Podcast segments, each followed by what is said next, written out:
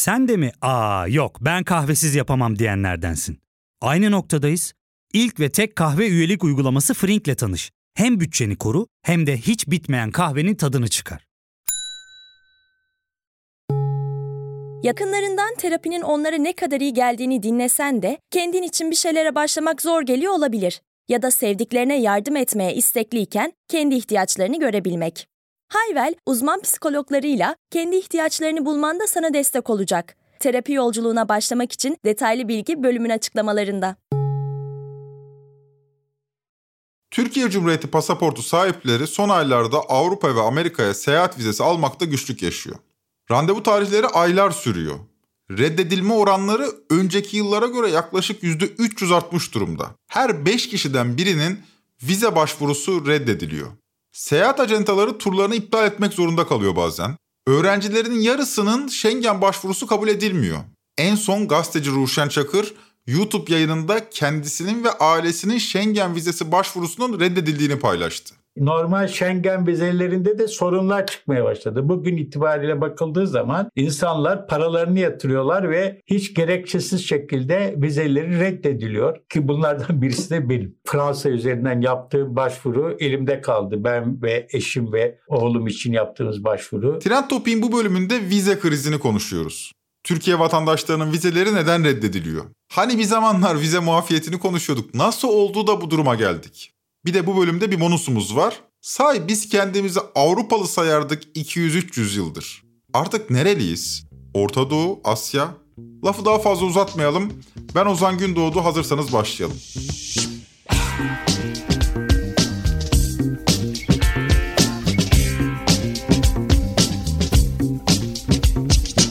Pandemiyle beraber ülkeler vize başvurularına daha çok dikkat eder hale geldi. Hatırlarsınız pandemide bir süre uçuşlar bile askıya alınmıştı. Fakat pandemiyle başlayan bu alışkanlık söz konusu Türkiye pasaportu olunca devam ediyor. Vatandaşlar işleri için bile Avrupa'ya gitmekte zorlanıyor. Şov Haber'den Tuğba Södekoğlu'nun haberiyle başlayalım. Schengen vizesine başvurup da red cevabı alanların sayısı her geçen gün artıyor. Öyle ki bu oran son 3 yılda tam 4 katına çıktı. Rusya'dan dahi daha fazla red cevabı alıyor Türkiye. Döçevelle Türkçe'den Elmas Topçu da konuyla ilgili Almanya Dışişleri Bakanlığı'na ulaşmış. Bakanlığın verileri de red sayısındaki artışı doğruluyor. Dilerseniz bunları sizinle hızlıca paylaşayım.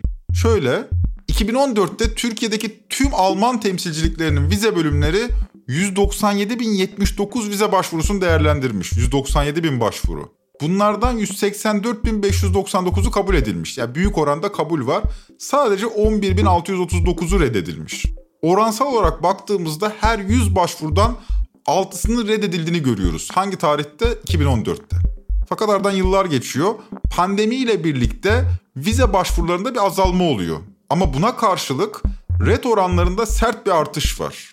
2021 yılında 128.890 başvurudan 103.478'i kabul edilmiş. Yani 24.494'ü reddedilmiş. Red oranı 2014'e göre artarak %19'a çıkmış. 2001'i pandemi yılı olduğu için özel kabul edelim. Peki ya 2022? 2022'nin ilk yarısında da durum farklı değil. Yani bütün dünyada durum değişti ama Türkiye'de değişmiyor. Hatta red oranları 2021'e göre daha da artmış. Başvuru sayısı şimdiden 121.944'ü bulmuş. Bunlardan yalnızca 96.062'si kabul edilmiş. 25.211'i reddedilmiş. Yani her 100 vize başvurusundan 21'i reddedilmiş Almanya'ya. 2014'teki red oranının %6 olduğunu hatırlayalım. Yani 2014 yılında Schengen'e başvuran 20 kişiden yaklaşık biri red cevabı alırken 2022 yılında her 5 başvurunun biri reddediliyor. Schengen vizesi bedava değil. Başvuru ücreti 80 avro. Güncel kurla 1400 lira gibi bir tutara denk geliyor. Üstelik bu ücret başvuru reddedilse bile kişiye geri ödenmiyor. Verilere göre son 5 yılda reddedilen vize başvurularında yaptıkları harcamalar nedeniyle Türk vatandaşlarının kaybettiği miktar toplam 26 milyon avroya ulaşmış durumda. Tek sorun red oranının yükselmesi de değil. Başvuru süreleri de uzuyor. Önceden birkaç hafta süren vize değerlendirme süreçleri şimdi ayları buluyor. Tablo bu. O halde soralım. Neden? Neden Türkiye'den Avrupa'ya turist vizeleri dahi reddediliyor? Bu sorunun cevabını aramadan önce Dışişleri Bakanı Mevlüt Çavuşoğlu'nun aynı soruya cevabını dinleyelim. 23 Ağustos'ta katıldığı bir televizyon programında bu tutumun planlı ve kasıtlı olduğunu ve Batı'nın seçimlerden önce AKP iktidarını yıpratma çabası içinde olduğunu söylüyor Çavuşoğlu. Maalesef ABD ve bazı Avrupa Birliği ve Avrupa Birliği üyesi olmayan Batı ülkelerin vatandaşlarımıza randevu süresini bir yıl sonra veriyor. süre bir yıl sonra bir yıl 6 ay 7 ay 8 ay aynı şekilde red oranını da yükselttiler. Şimdi bu planlı ve kasıtlı. Vatandaşımız bunu görüyor. En son Alman Dışişleri Bakanı ile İstanbul'da yaptığımız görüşmede Büyükelçileri de oradaydı. Ona da söyledik. New York'ta Blinken'la Büyükelçi Flake de oradaydı. Ona da söyledik. Yani biz burada kasıt görüyoruz. Halkımız da böyle görüyor. Yani seçim öncesi AK Parti iktidarını zorda bırakmak için yapılan adımlar olarak değerlendiriyoruz. Önümüzdeki günlerde şimdi birçoğu tatilde Eylül başında büyükelçilerin bu batı ülkelerin büyükelçilerini bakanlığa arkadaşlarımız çağıracaklar, gerekli uyarıları yapacaklar. Eğer bundan sonra da düzelmezse bu sefer biz de karşı tedbirler alacağız. Kısıtlayıcı tedbirler. Onlar nasıl kısıtlayıcı tedbirler Mütekabiliyet alıyorlar? Mütekabiliyet. karşılıklılık esasıyla. Mesela belgesi yetersizse, istenilen şartları yerine getirmediyse bunu reddedebilirsiniz. Doğal biz de reddediyoruz. Ama yani her türlü imkanı var. Her türlü imkanı olmasına rağmen reddedildiğini de görüyoruz. Orada da bir objektiflik yok. Bu kadar uzun süreli randevu vermeleri ve her türlü belgesi olmasına rağmen, imkanların olmasına rağmen yani gittikten sonra döneceğinin garantisi olmasına rağmen reddettikleri de oluyor. Yani burada kasıt olduğunu düşünüyoruz, görüyoruz. Uyarılarımızı yapacağız. Uyarılarımızı dinlemezlerse zaten bazı uyarıları yaptık. Gerekli tedbirleri biz de alacağız. Çavuşoğlu'nun meseleyi salt uluslararası siyaset bağlamında yorumladığı ve AKP'yi bu tabloda mağdur pozisyona tuttuğu ortada. Kendisi Schengen vizesinin AB tarafından siyasi bir silah olarak kullanıldığını öne sürüyor. Ama öte yandan Çavuşoğlu'nun tabiriyle Batı, AKP karşısında her zaman böyle bir tutum mu aldı? Burada biraz düşünüp hafıza tazelemekte yarar var. Yıl 2013. O yıllarda AKP hükümetinin Dışişleri Bakanı Ahmet Davutoğlu'ydu. Suriye'deki savaştan kaçan mağdurlara Türkiye'nin kapısını açması Avrupa Birliği ile Türkiye arasında ılıman bir siyasi atmosfer yaratmıştı hatırlarsınız. Türkiye'nin eli Avrupa Birliği karşısında bu süreçte güçlenmişti. Böyle bir atmosfer içinde Dışişleri Bakanı Davutoğlu Türkiye ile AB arasında tam vize muafiyeti için diyaloğu başlatma kararı aldıklarını söylemiş ve müjdeyi vermişti. Türk vatandaşları en geç 3,5 yıla AB ülkelerine vize şartı aranmadan seyahat edebilecekti. Bugün e, büyük bir mutlulukla ifade ediyorum ki tarih boyu Avrupa'nın parçası olmuş olan ve gelecek vizyonu itibariyle de kendisini Avrupa'nın parçası olarak addeden Türk halkı bundan sonra en geç 3,5 yıl içinde ancak eğer e, istediğimiz süreçler tamamlanırsa daha da erken bir dönemde de tamamlanabilir. Tam vize muafiyeti imkanına kavuşacaktır. Aralık 2013'te Türkiye-AB geri kabul anlaşması ve vize serbestisi diyaloğu mütabakat metni imzalandı. Metin Türkiye'nin önüne bir yol haritası koyuyordu. Türkiye'nin karşılaması gereken 72 kriter vardı. Türkiye bu 72 kriteri yerine getirirse vatandaşlar Avrupa'ya vize şartı aranmadan seyahat edebilecekti. 2014'te Tayyip Erdoğan Cumhurbaşkanlığı seçimini kazandı. Boşalan başbakanlık koltuğuna ise vize muafiyet sürecinin baş mimarı Davutoğlu oturdu. Davutoğlu AB temsilcileriyle yaptığı ortak basın aşamasında 11 ay sonra vizesiz seyahat başlayabilir diyordu. Vizesiz seyahat. Sadece 7 yıl önce konuştuğumuz konuya bak. Ekonomi, enerji ve siyasal alanda üst düzey diyalog mekanizmaları kuruyoruz ve bu zirveleri yılda iki kere tekrar etmeye de karar verdik. Bunun yanında bahsettiğiniz gibi vize muafiyeti konusunda da önümüzde çok açık bir takvim var. Bu da Mart ayında ilk rapor, Haziran ayında Türkiye'nin geri kabul anlaşmasıyla birlikte uygulamaya başlaması, takriben Ekim ayında da vize muafiyetinin devreye girmesi. Bunun için bizim yapacaklarımız da var, Avrupa Birliği'nin yapacakları da var. Ümit ederim ki 2016 yılı Türkiye-Avrupa Birliği ilişkilerinde bir dönüm noktası olacaktır. Düşünün 2016 yılında Türkiye Cumhuriyeti pasaportunuzla AB ülkelerine rahatça girebilme ve Avrupa'da serbestçe dolaşma ihtimalinden söz ediyoruz. Bugün absürt bir hayal gibi görünüyor bu. Açıkçası o gün de bu olasılığın düşük olduğu tartışılmıştı ama yine de olur mu be dedirtiyordu. Ama diyelim oldu. Türkiye Cumhuriyeti pasaportun elde edeceği gücü bir düşünün. Peki bu neden olmadı? Türkiye 2016 yılına kadar AB'nin sunduğu 72 kriterin 66'sını yerine getirdi. Geriye sadece 6 kriter kalmıştı. Ama Financial Times'ın o yıllarda attığı iddiaya göre AB ile yürütülen süreçte Erdoğan'a danışılmaması, ve sürece dair tüm krediyi Davutoğlu'nun toplayacak olması Cumhurbaşkanı Erdoğan'ı rahatsız etmişti. Gazeteci Zeynel Lüle ve Ruşen Çakır da konu hakkında 2016'da bir medyaskop yayınında şunları söylemiş. Burada ön plana çıkan şeylerden bir tanesi ki ben onu görmeye başladım.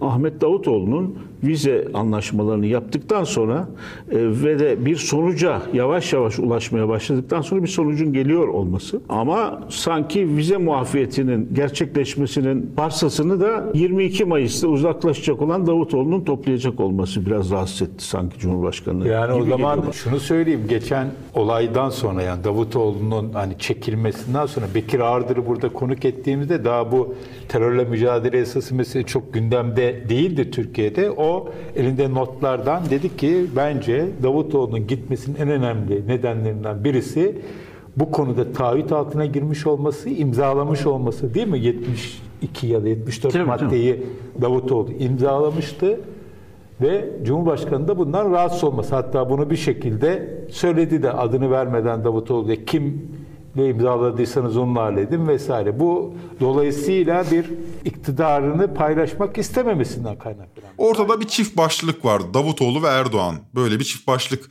resmediliyordu. Kim bilir belki de Türkiye vatandaşlarının vize serbestisi kazanması olasılığı da beraberinde kurban edilerek bu ihtimaller kesildi ve bu çift başlılık bitirildi.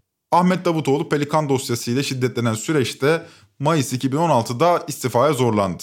Şimdi bu hikayeyi anlatmamın bir sebebi var. Çok değil bundan 6-7 yıl önce konuşuluyordu vize muafiyet. 2016 yılında Avrupa'ya vizesiz gidecektik. O halde bugün yaşanan vize krizi Çavuşoğlu'nun deyimiyle Batı'nın seçimlerden önce AKP'yi yıpratma çabası olarak ifade edilebilir mi? Ya daha da öyle diyelim tek neden bu mu? 6 yıl içinde Batı'nın AKP'ye ve Türkiye'ye karşı 180 derece değişen tutumunda AKP'nin ve Türkiye'nin zaman içinde geldiği halin hiç mi payı yok? Yorum sizin. Ama diyelim ki Çavuşoğlu haklı. O halde daha önce de aynı seçimler nedeniyle Avrupa Birliği AKP'ye destek veriyordu anlamı çıkmaz mı buradan? Avrupa Birliği Türkiye Delegasyonu Başkanı Büyükelçi Nikola Meyer-Landrut, Schengen vizesiyle ilgili konunun AB için siyasi bir mesele olmadığını söylüyor. Buna inanmak güç. Red oranlarının arttığı rakamlarla ortada. Ama bunun siyasi bir mesele olduğunu söylemek Çavuşoğlu'nun dediği gibi seçim öncesi AKP'yi yıpratmak istiyorlar demekle aynı şey değil. Bunun altını çizmek gerekir. Evet mesele siyasi ama mesele daha çok demografik kaygılarda temelleniyor. Şöyle açıklayalım. Türkiye Schengen vizesi için en çok başvuru yapan ülkeler arasında dünyada ilk üçe giriyor. Ve başvuru sayısı pandemi sonrası büyük tırmanışa geçmiş durumda. Az önce paylaştığım verileri bir hatırlatayım. 2014 yılında Türkiye'deki tüm Alman temsilciliklerinin vize bölümleri 197 bin vize başvurusunu değerlendirdi demiştik. Dikkatinizi çekiyorum. Bu sadece Almanya üzerinden yapılan Schengen başvurularının sayısı. 2022'nin ilk yarısında ise sadece Almanya'ya yapılan başvuru sayısı daha şimdiden 122 bini bulmuş durumda. Başvurular bu yoğunlukta devam ederse 2014 yılını geride bırakacak gibi görünüyoruz. Yani çok ciddi bir talep var. Şimdi burada bir durup düşünmek gerekir. Bu talep neyin nesi? 2014 yılında yıllık ortalama euro kuru 2.9 TL bandındaydı. Bugün ise 1 euro güncel kurla 18 lira ediyor. 2014 yılında bir Türkiye vatandaşının kenardaki birikimiyle seyahate çıkması bugünkü kura oranla kabul edersiniz ki çok daha rahattı. Bugün ise Avrupa'ya seyahate çıkmak pek çok kişi için hayal durumuna geldi. Buna rağmen Schengen vize başvurularında inanılmaz bir artış var. Bunu nasıl yorumlamak gerekir? Belki de Türkiye'nin bozulan ekonomisi insanların yurt dışına çıkmamasını değil, çıkmasını beraberinde getiriyordur. Ama bu kez geçici olarak değil, kalıcı olarak. Ne demek istediğimi şöyle açıklayayım. AB konsoloslukları tarafından vize red gerekçeleri arasında en üst sıradaki gerekçe ne biliyor musunuz? Kişinin ülkesine döneceğine dair inanç oluşmaması. Bakın çok ağır bir şeyden bahsediyorum. Bu kişi ülkesine dönmeyecek, kaçmak üzere, iltica etmek üzere Avrupa'ya geliyor diye şüpheleniyoruz diyor Avrupa. Bu nedenle alınmış bir vize reddi kişinin ülkesindeki sıkı bağlarını yeterince ispatlayamaması, çalışıyorsa iş bağlantılarını, çalışmıyorsa da ülkesiyle olan vazgeçemeyeceği bağlarını ispat edememiş olmasından kaynaklanıyor. Yani AB ülkeleri Schengen alıp Avrupa'ya giden Türk vatandaşlarının Türkiye'ye dönmeyeceğinden şüphe ediyorlar. Daha açık konuşalım.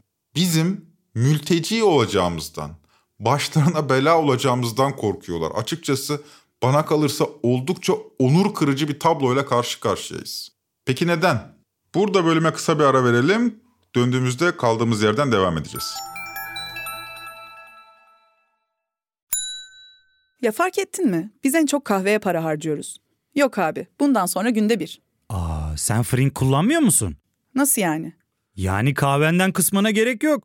Frink'e üye olursan aylık sadece 1200 TL'ye istediğin çeşit kahveyi istediğin kadar içebilirsin. Günlük 40 TL'ye sınırsız kahve mi yani? Çok iyiymiş. Aynen. Hatta şu anda 200 TL'lik bir indirim kodu da var. E hadi hemen indirip üye ol da bu fırsatı kaçırma. Terapiye başlamak, içinden çıkamadığın döngüleri kırmak, bazı yanlış bulduğun kararlarını değiştirmek ve kendinle beraber daha huzurlu bir yaşam inşa etmek için atabileceğin en değerli adımlardan biri. Hayvel ile yoğun yaşam tempona uyum sağlayarak online terapi seanslarını takvimine göre ayarlayabilirsin. Bini aşkın uzmandan sana en uygun terapisti seçebilir, podb10 koduyla indirimden yararlanabilirsin. Detaylı bilgi açıklamalardaki bağlantıda. Durumun birinci nedeni ekonomi. Daha geçtiğimiz trend ekonomi bölümünde konuştuk. Türkiye'de ücretli kesimin mülk sahibi olması artık imkansızlaştı. Mülkten kastım da böyle servet gibi düşünmeyin. Böyle insani şeylerden bahsediyorum. Yani bir ev, bir araba sahibi olmak gibi şeyler. Bu tip bir şey bile yani bir ev, bir araba sahibi olmak bile Türkiye'de bir ömür çalışmakla mümkün. Hatta belki o bile mümkün değil.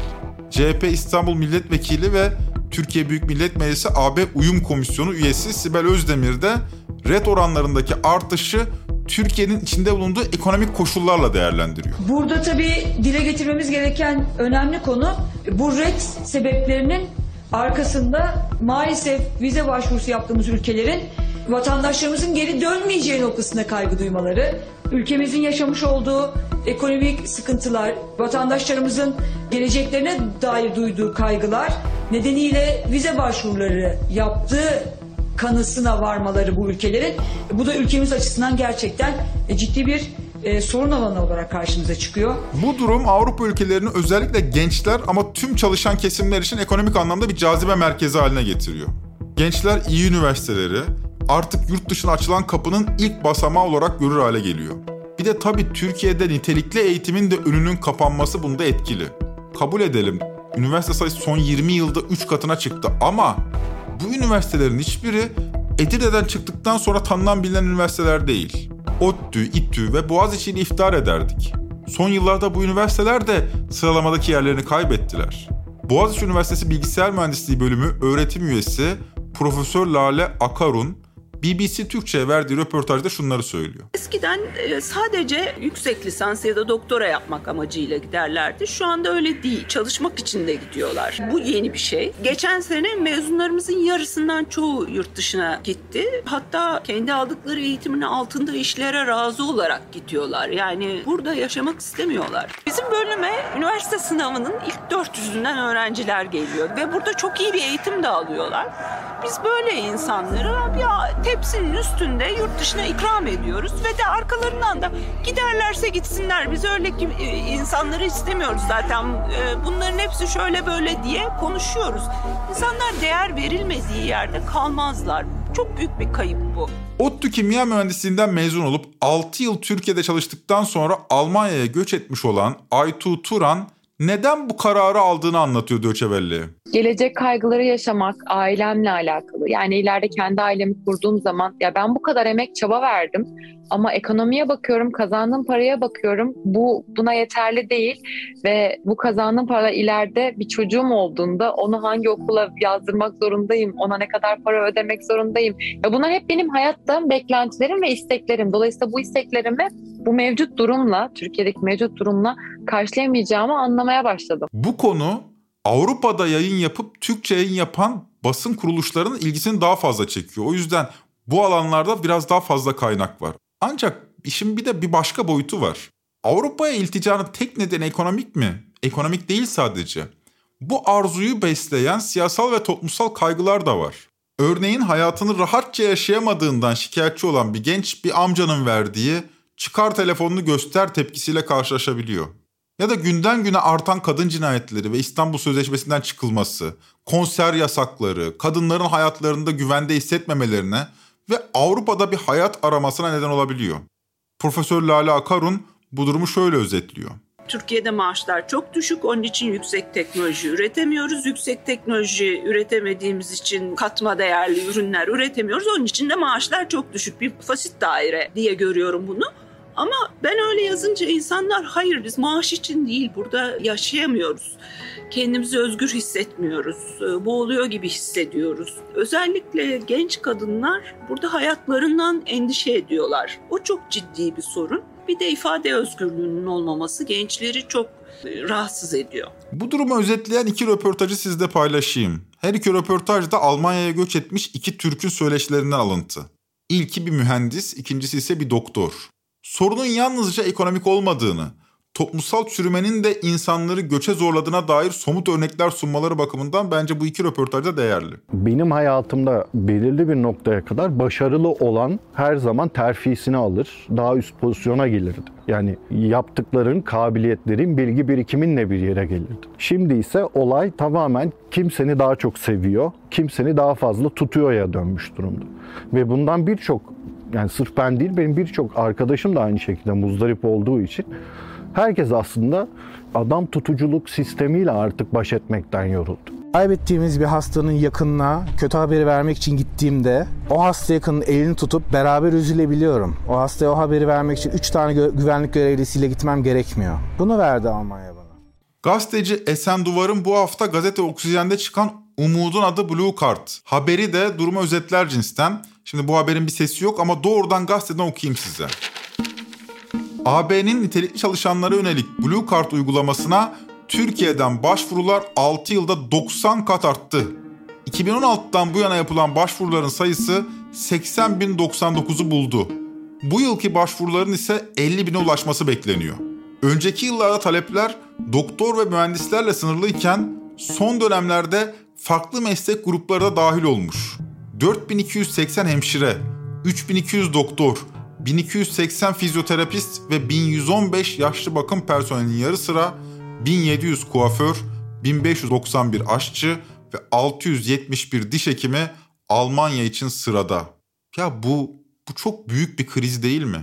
Bütün bu göç dalgasının kişinin ülkesine döneceğine dair inanç oluşmaması gerekçesiyle pek çok vize talebinin reddedilmesini de beraberinde getirmesi şaşırtıcı değil. Ama aynı oranda da acıklı. Bununla birlikte bir nedenin daha olduğu öne sürülebilir. Nedir o? Kurumların yıpranması. Spesifik olarak da pasaport kurumunun. Diyeceksiniz ne alaka? Hatırlarsınız bundan yaklaşık bir yıl kadar önce bir gri pasaport skandalı ortaya çıkmıştı. Belediyeler tarafından hizmet pasaportu tahsis edilerek çevre bilincini geliştirme projesi adı altında Avrupa'ya gönderilen kişilerin neredeyse hiçbiri geri dönmemişti. Ama bu kişiler gri pasaportluydu. Yani devletin benim görevlimdir dediği kişilerdi. Ortada devletin sağladığı imkanlarla gerçekleştirilen bir insan kaçakçılığı vardı. Olay üzerine AKP yönetimindeki başta Malatya Yeşilyurt Belediyesi olmak üzere pek çok belediye hakkında soruşturma başlatılmıştı. Peki ne oldu o belediyelere? İçişleri Bakanlığı'nın verdiği soruşturma İzzi Danıştay'dan döndü. Malatya Yeşilyurt Belediyesi'nin organizasyonuyla hizmet damgalı pasaport kullanarak Almanya'ya giden 45 kişiden 43'ünün dönmemesi nedeniyle başlatılan soruşturmada Danıştay, belediye başkanı ve 3 belediye yöneticisi hakkındaki soruşturma iznini kaldırdı. Belediyelere hiçbir şey olmadı. O süreçte gri pasaportunu alansa Üsküdar'ı çoktan geçti. Ama tek sorun gri pasaport ile yapılan bu insan kaçakçılığı değil. Bu devede kulak. Almanya Federal Göç ve Uyum Meclisleri Birliği Başkanı Avukat Mehmet Kılıç'a göre yeşil pasaportların sayısının artışı da pasaport kurumuna duyulan güvenin sarsılmasını beraberinde getirdi.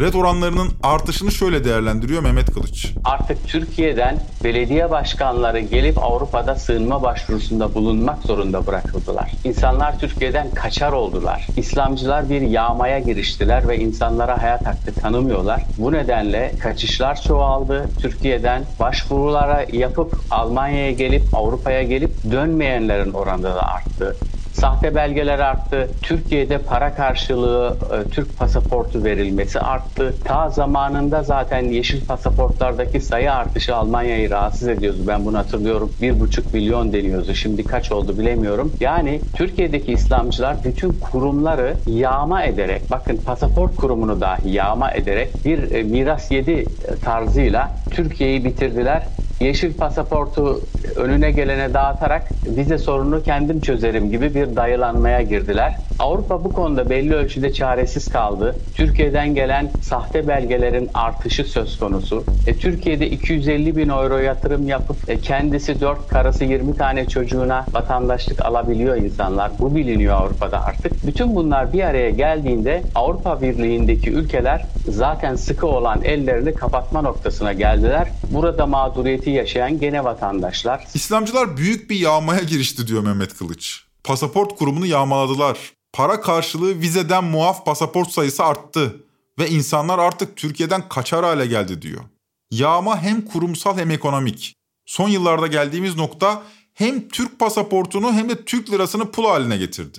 Biz artık pasaportumuz ve liramız pul haline geldiği için Avrupa'ya gidemiyoruz belki ama Avrupa milletlerinin çoğuna vize muafiyeti tanımaktan da geri durmuyoruz. Bulgaristan getireceği döviz nedeniyle ya çarşı pazar alışverişi nedeniyle dövizi de bir şey değil ama getireceği bu döviz nedeniyle vize muafiyeti tanınan son ülkelerden. Döviz getirsinler ya işin özü gelsinler işte buraya vizesiz gelsinler biraz leva bırakıp gitsinler yani. Şimdi bizim kendi milli paramız pul olduğu için Bulgaristan'ın parası bile çok kıymetli yani. Gidiyorsunuz Doğu Karadeniz'de Gürcüler gelse de biraz döviz bıraksa diye insanlar bekliyor. Trakya'ya gidiyorsunuz Bulgarlar gelse de biraz döviz bıraksa diye bekliyor. Ben en son Edirne ziyaretinde bir restorandaki garson ya dedi başkan dedi eskiden dedi Bulgarlar geldiğinde bize dedi bahşiş bırakır dedi leva. Yani kağıttan daha değersiz de biz yırtıp çöpe atardık dedi. Değeri yoktu dedi. Şimdi bahşiş bırakınca sağ olsunlar dedi bayağı para ediyor Türk lirasına çevirince dedi. Çok üzüldüm çok ya. hazin, çok hazin. Çok üzüldüm ya. Yani koskoca Türkiye değil mi? Yani mukayese ettiğiniz ülke yani hiçbir ülkeyi küçümseyemeyiz ama en azından ekonomik büyüklük olarak, nüfus olarak yani Bulgaristan diyoruz, Gürcistan diyoruz. Yani Türkiye'nin merkezde ve güçlü olması lazım. Yani çok, çok üzülüyoruz. Şimdi bana kalırsa tüm bu anlattıklarımız daha derin bir meseleyi de masamıza koyuyor. Türkiye Osmanlı'ya da uzanan bir gelenek halinde son 200 yıldır yüzünü batıya dönmüş bir ülke. Osmanlı padişahları biliyorsunuz kendisinin olmayan topraklara adım atmazdı. 18. yüzyılla beraber sanayi devriminin de etkisiyle Avrupa benzersiz bir hızla gelişmeye başladı. Osmanlı aradaki farkı uzun süre idrak edemedi. Görmemişlerdi ki Avrupa'yı. Düşünün ilk gören 19. yüzyılda Abdülaziz oldu ve aradaki farkı görünce gözlerine inanamamıştı. Osmanoğulları bu tarihten itibaren yani büyük ölçüde 2. Mahmut'la beraber başlar da Abdülaziz'den itibaren batılı bir yaşam tarzını benimsedi. Ülke için değil kendileri için. Abdülaziz'den sonra tahta oturan 2. Abdülhamit ile Tayyip Erdoğan'ı şöyle karşılaştırıyor Zülfü Livaneli T24'te. Abdülhamit'in eğitimi, zevkleri, gönlü batıda Avrupalı. Enteresan bir şekilde Avrupalılaşmaya çalışan, kendi zevkleri, şahsi hayatı Avrupalı olan bir insan. Elinde bir silah olarak hilafeti kullanmaya çalışıyor. Yani halife olarak ben diyor işte Hindistan'a kadar falan nüfuzum olur. Fakat halifeliği bir silah olarak kullanıyor. Yani siyaseti İslami, şahsiyeti Avrupa'yı. Ama Tayyip Bey'in öyle değil. Tayyip Bey'in şahsiyeti Araplaşmak ve İslam da değil sadece yani Arap kültürünün içinde yaşanmasını istiyor. Abdülhamit onu istemiyor. Abdülhamit'in Araplarla arası yok zaten. 19. yüzyıldan itibaren Osmanoğulları ailesi batılı bir yaşam sürmeye başlamıştı. Fakat ellerinde tuttukları hilafet koltuğunun siyaset gücünü de korumaya çalıştılar. Buna karşın devlet idaresinde de batı ile arayı kapamak devlet ağalinin temel amaçlarından biri oldu. Ki zaten Cumhuriyet'in de amacı buydu. Yüzünü batıya dönmek, batılı değerler setini referans almak, batının sömürgesi olmayı istemek değil. Sanırım bunun en güzel örneğini Mustafa Kemal Atatürk oluşturuyor. Türkiye ya da tarihsel anlamda Türkler tarihteki başarılarını rasyonelliklerine borçlu. Hayal aleminde yaşamadığımız dönemlerde büyük başarılar elde eden bir ulusuz biz. Cumhuriyetle birlikte de eşitlik fikrini benimsedik. Peki hala batılı mıyız? Artık kendimizi batılı sayıyor muyuz? Eğer batılı saymıyorsak nereliyiz? Orta Doğulu muyuz? Orta Doğuluysak bununla gurur mu duymalıyız? Ya da Asyalı mıyız? Asyalıysak Asya'nın değerler seti ne? Nereyi referans alıyoruz? Yani derdim basit bir coğrafya sorusuna cevap aramak değil. Bu dünyada yaşayıp giderken hangi değerler setini referans alacağız? Mesele politik bir aradalıklar da değil. AB'ye üye olmayabiliriz, NATO'dan çıkabiliriz.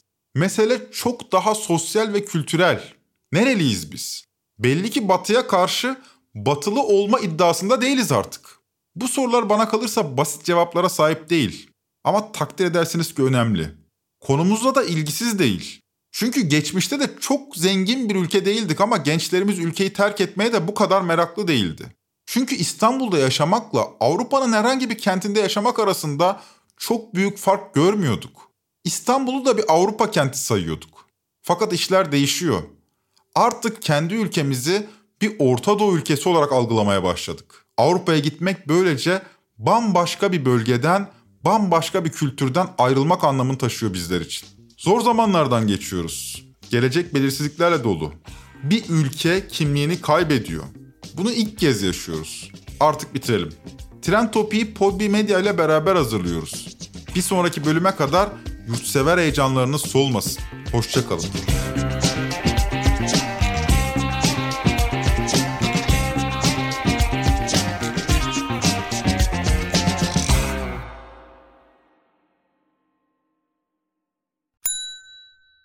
Ve tek kahve üyelik uygulaması Frink, 46 ildeki 500'den fazla noktada seni bekliyor. Açıklamadaki kodu girerek sana özel 200 TL'lik indirimden faydalanmayı unutma. Hadi sen de Frink üyeliğini başlat, kahven hiç bitmesin.